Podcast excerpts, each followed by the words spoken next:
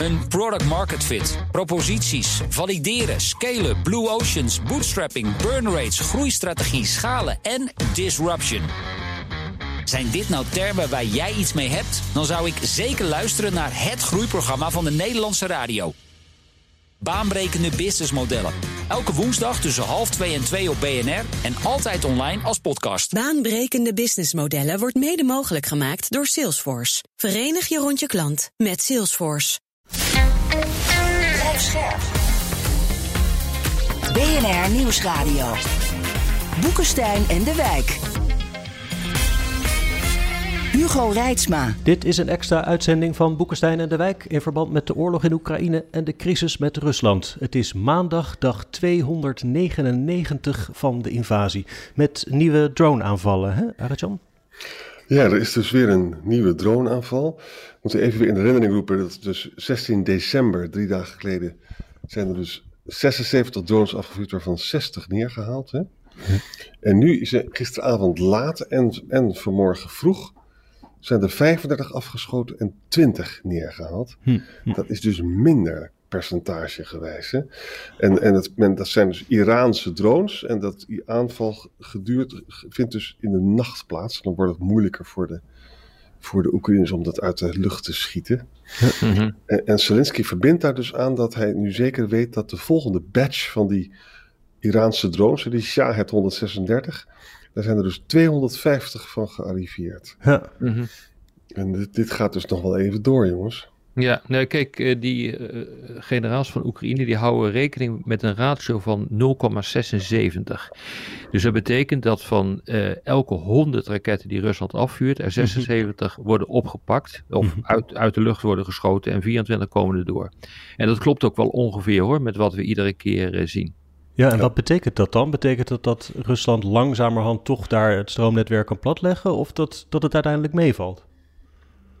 Ik denk dat het uiteindelijk meevalt. Eh, dat wil niet zeggen dat de schade natuurlijk eh, gigantisch eh, is. Maar je, je ziet dus ook dat je in zo'n land dat groter is dan Frankrijk. wel ontzettend veel raketten moet, moet afschieten. om dat hele land de stroomvoorziening Ja. te ontzeggen. Zeker als En drie dus- uit de lucht wordt geschoten. Exact, en dat zie je dus ook iedere keer uit die eh, berichten dat de stroomvoorziening toch tamelijk snel weer op gang komt. Dus eh, ja, ik bedoel, het is heel erg. Het is eh, inderdaad, het is verschrikkelijk wat daar gebeurt. Maar ja, het is oorlog, jongens. Eh, daar moeten we wel even rekening mee houden. En dan valt het volgens mij relatief gezien nog mee. Er was een hele een, bericht in, in, van Nieuwsuur gisteravond. Of was het nou eergisteravond? ehm, waar ze dus lieten zien hoe dat dan gaat. Hoe ze dat herstellen. Ja. En dan zag je dus eh, jongens met echt enorme helden zijn. Dat, en die gaan met gevaar voor eigen leven Ja. in, in het Gersongebied. Zitten ze gewoon dat draad weer aan elkaar te knippen. En hij zei, en hij zei van ja, als dat, eh, als dat niet goed gaat, eh, dan doen we gewoon even een noodverbandje. Ja. En met, dat bracht mij weer op de gedachte van ja, dan moet je, je moet eigenlijk ook gewoon de bommen dus gooien op de elektriciteitscentrales, toch? ja, ze doen nu vooral de verdeelstations, heb ik een keer begrepen. Ja, ik ook. Ja. Nou ja, op de centrales, ik weet dus gewoon niet, en dat weet ik oprecht niet, of die eh, drones eh, krachtig genoeg zijn om dat eh, te doen. Dus je kunt veel beter een kleinschalig doelwit eh, eh, vernietigen. Eh, Maar een, kern, eh, een hele centrale, eh, nou ja, dat zou natuurlijk in principe zou dat wel kunnen, maar ik vraag me af of je dat met die drones kunt doen. We moeten bijna een keer een elektricien uitnodigen in de uitzending. Ja, ja. Dan moet je nog de cruise missiles, missiles die je hebt. Maar dat hebben ze ook wel gedaan, hè? Dat hebben ze ook wel gedaan. Nou ja, of een bomexpert, dat kan natuurlijk ook nog, die precies weet wat, eh, wat voor explosieve kracht je nodig hebt voor, om een hele centrale in de as eh, te leggen. Goed, ehm, bij Bachmoed op de grond, hè, daar was een dorpje dat heet Sabachmuta, als ik het goed uit, Mutka, Sabachmutka. Dat was veroverd door de Wagnergroep, maar dat is nu terugveroverd door de 46e Oekraïnse luchtmobiele brigade. Het gaat dus over kleine verschuivingen. Dan, hè. Er wordt daar vreselijk gevochten. En wat we eraan kunnen verbinden aan dit eh, blokje is eh, dat het Institute for Study of War, dat zijn Amerikanen, eh, er gaan dus heel slecht getrainde gedetineerden, hè, Russische gevangenen, Ja. die gaan dus daar naartoe naar Bakhmut en dan krijgen ze dus een gsm mee en dan moeten ze zich aan de route houden. Als ze Ja. dat niet doen, dan worden ze gewoon geëxecuteerd. Ja, ja, ja. Hmm. Ik vind het wel vreemd hoor. Ik vind het een raar verhaal, GSM. Als je een GSM aanzet, dan uh, ben je onmiddellijk een doelwit. Ja, we weten ook dat dit een van de redenen is uh, waarom uh, zoveel generaals bijvoorbeeld zijn omgekomen in het begin van de Russische zijde. die stonden of bij zendmasten of die zetten hun GSM aan of weet ik veel wat die allemaal deden. Maar die konden heel makkelijk gelokaliseerd worden. Zelfs door ja. TikTok zijn ze gelokaliseerd. Ja. Uh, en uh, daar kwam je vrij snel achter. Ja, dan krijg je gewoon een bom op je kop als je dat, uh, als je dat doet. Dus ik, ik, ik, ik snap dit hele verhaal niet helemaal, moet ik eerlijk zeggen. Hoe dat precies in elkaar zit. Ik ook niet. Ik ook niet. Poetin is vandaag in Wit-Rusland, zoals we al hadden aangekondigd. Hè? Ja. Nou, allemaal speculatie natuurlijk wat het dan allemaal betekent. Er zitten 15.000 Russische soldaten in Wit-Rusland. Dat is natuurlijk gewoon veel te weinig om uh, Kiev daarmee aan te vallen. Dat lukte met 150.000 al niet. Het Wit-Russische leger is, stelt niet zo vreselijk veel voor. Dus denk, veel mensen denken dat deze moves worden gewoon gedaan om Oekraïense troepen te verleiden om de, hm. het zuiden te verlaten. Hè? En dan kunnen ze in het zuiden en het oosten vorderingen maken. Um, O'Brien, weet je wel, de beroemde historicus, die zegt: uh, Oekraïne speelt het punt heel erg op steeds, omdat ze gewoon meer westerse wapenleveranties willen krijgen. Hm. Ja, dat zal ongetwijfeld er ook achter zitten. Als je uh, kijkt wat uh, Sirski nu heeft uh, gezegd, dat is de commandant van de landstrijdkracht in Oekraïne, die zegt: Ik heb 300 tanks nodig, 6 tot 700 gepantserde infanterievoertuigen, ik heb 500 houwitsers nodig. Ja. ja. dat zijn enorme wensenlijstjes. Nou, dat is ongeveer meer dan alle Europese landen bij elkaar zo ongeveer in de voorraden hebben staan. Hm. Um, ja, ik denk dat het erachter zit. Maar als ik ook toch gewoon goed kijk wat er aan de hand is. En uh, het is ook een beetje in lijn met onze eigen analyses. Dan moet je constateren dat er dus inderdaad een aantal maanden geleden uh, besloten is om 300.000 uh, mannen extra te mobiliseren.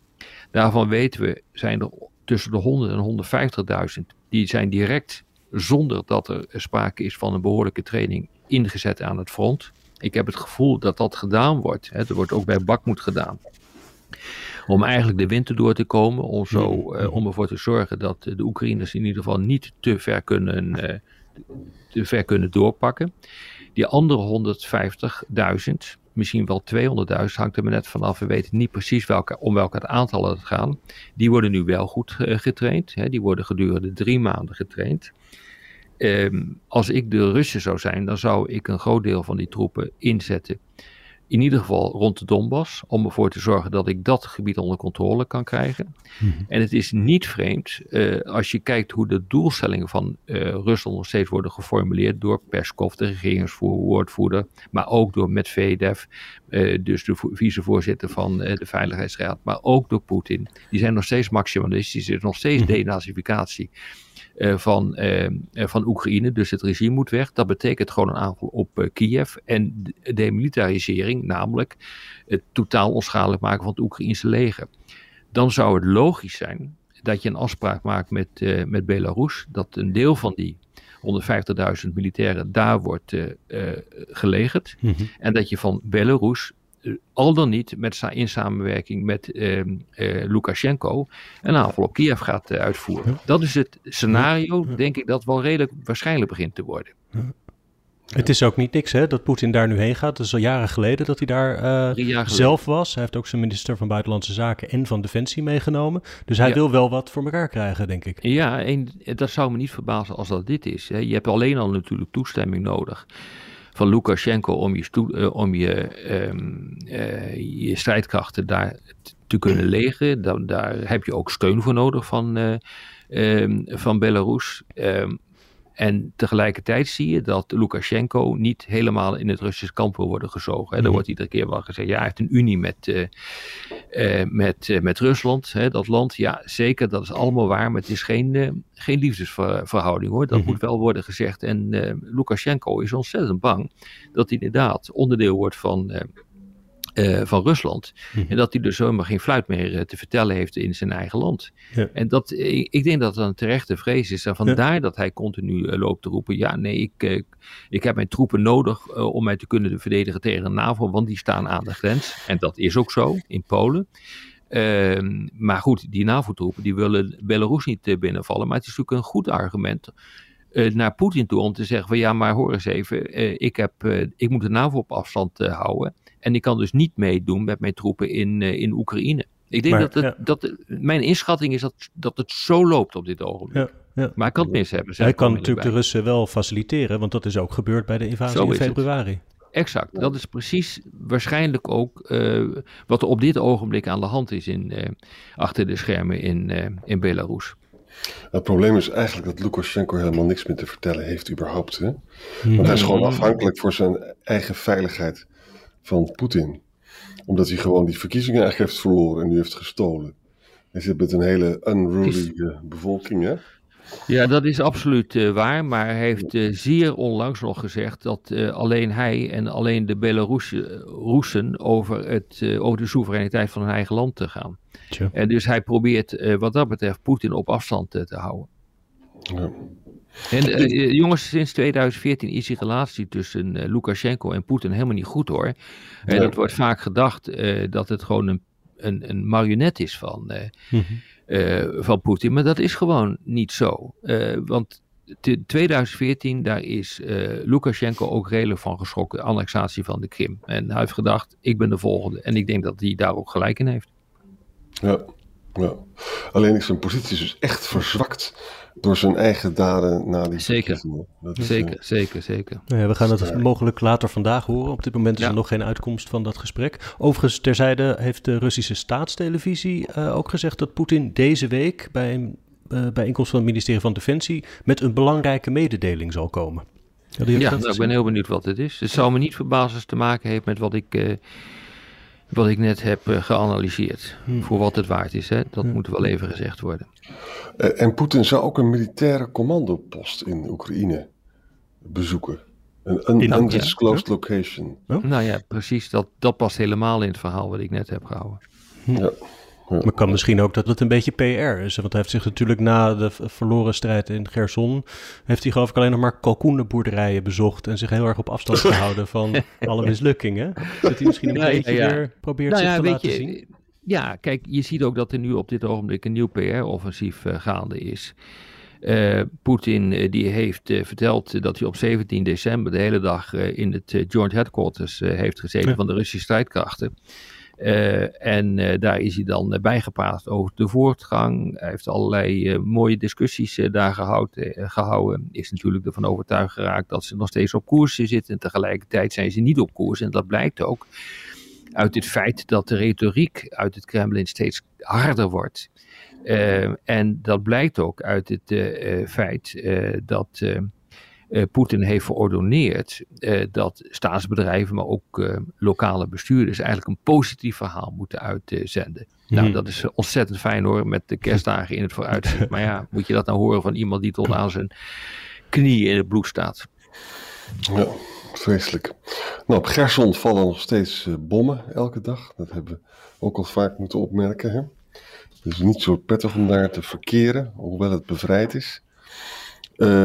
Engeland is dus, Sunak is in uh, Riga. Hm. En ontmoet daar de Nederlanders en de Noordische staten en de Baltische staten. Hij kan dus niet daar Rutte ontmoeten, want die staat nu zijn excuses aan te bieden voor het slavernijverleden in, uh, in Den Haag. Hè. Maar misschien dat Wopke daar is, ik weet het niet. En de Britten zijn bereid om 250 tot 304 miljoen dollar uit te trekken voor artilleriemunitie in, in 2023. Ja, dat wordt, moet dan volgens mij nog worden gemacht, toch? Eh, of niet, uh, Arend-Jan?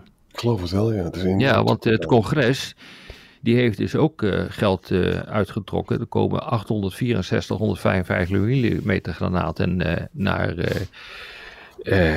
naar Oekraïne toe. En 106.000 raketten voor de HIMARS. en dan kunnen ze vijf maanden mee voort dus wat je dus nu ziet is dat uh, de Amerikaanse inlichtingendiensten zeggen dat uh, zo begin 23 uh, moet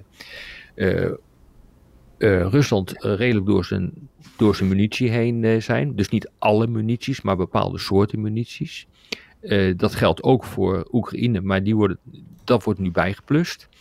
En dan is natuurlijk de grote vraag van hoe gaat die slijtageslag dan verder. Dan is mijn inschatting dat um, als het gaat om geavanceerde munitie, uh, de Oekraïners er iets beter voor staan nu uh, toezegging hebben gekregen van het congres. Ja. maar de Oekraïners hebben vervolgens weer minder zware wapensystemen dan de Russen. Dus de grote vraag is hoe dat gaat uitpakken. Dat is tenminste de inschatting die ik nu maak. Ja, ja. Nou, misschien wil jij nog wat zeggen over China, Hugo? Oh ja, goed. Oh, ik zat te, te, kijken naar beelden online van, ja, die echt lijken op de, eerste coronagolf in Europa. Hè? Bomvolle ziekenhuizen, mensen aan de beademing in stoelen, lichamen op de gang, volle mortuaria, crematoria die het niet aankunnen. Hè, na het schrappen van het uh, zero-covid-beleid, wat was het, twee weken geleden. virologen die, die noemen wel getallen van 1 tot 2 miljoen doden die in de komende weken zouden kunnen vallen. Uh, ondanks dus dat de restricties nu zijn opgeheven, zie je beelden uit Beijing bijvoorbeeld van een uitgestorven stad, omdat niemand meer de deur uit durft, niemand meer naar zijn werk durft. Het is echt een uh, idiote situatie na zo lange lockdowns in het land. Maar wat een verzwakking hè, van China. Als je, ja, ons, ons programma gaat over de nieuwe wereldorde. En, en ja, hoe kan zo'n land nou ook nog een goede uh, basis vormen voor samenwerking met, uh, met Rusland op deze manier? Zeker. En je moet ook bedenken, 1,4 miljard uh, Chinezen. 40% van de ouderen hebben zich maar laten injecteren. En die, dat Chinese vaccin is helemaal niet zo goed. Het is ook heel pijnlijk voor China dat ze nog steeds geen mRN-vaccin hebben. verder is het zo dat de Omicron is natuurlijk helemaal niet zo ernstig. Maar ja, wel als je als er zoveel mensen die ziekte krijgen en je mhm. hebt ook geen IC-bedden, ja, tel het allemaal met mhm. elkaar op. Hè? Dan heb je miljoenen doden. Ik vraag me ook af wat het voor de economie zal betekenen als uh, niemand meer de deur uit durft uh, nu in dat hele land zo'n golf te wachten staat. Ja, ik heb geen idee. Het, en, maar wat dat gaat dat ook voor mondiale effecten uh, hebben. als hierdoor weer de bevoorradingsketens worden ontregeld van, van China en de rest van de wereld, hebben we wel een probleem hoor. Maar, maar, wacht even, de meeste mensen die dus door Omicron geïnfecteerd worden, hè, die zijn twee weken ziek. En daarna lopen ze weer, toch? Ja. Dat, en, dat, en dat, met alle woorden, ze, ze hebben nu dus een, een, hele moeilijke transitiefase, maar hier zouden ze doorheen kunnen gaan. Alleen het trieste is, is dat omdat ze geen IC-bedden hebben en geen vaccins hebben, sterven er gewoon miljoenen mensen.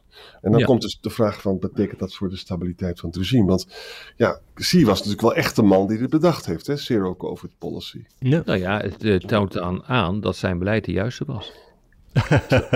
ja, uh, nou ja, het loslaten van het beleid is ook zijn beleid. Ja, ja maar goed, als hij dat dus onder druk uh, doet, dan uh, degenen die het hebben afgedwongen, hebben dan die hebben het dan moeilijk om te rechtvaardigen wat ze gedaan hebben. Dus ik, een, een dictator kan er altijd een draai aan geven. Ja. We moeten misschien nog even een paar uh, woorden wijden aan dat merkwaardige artikel in het Internationale Spectator. Geschreven door uh, mevrouw Gero, dat is een professor in Straat, nee, ik geloof ergens in Duitsland. En meneer Rits, die heeft aan de Russische universiteiten gewerkt.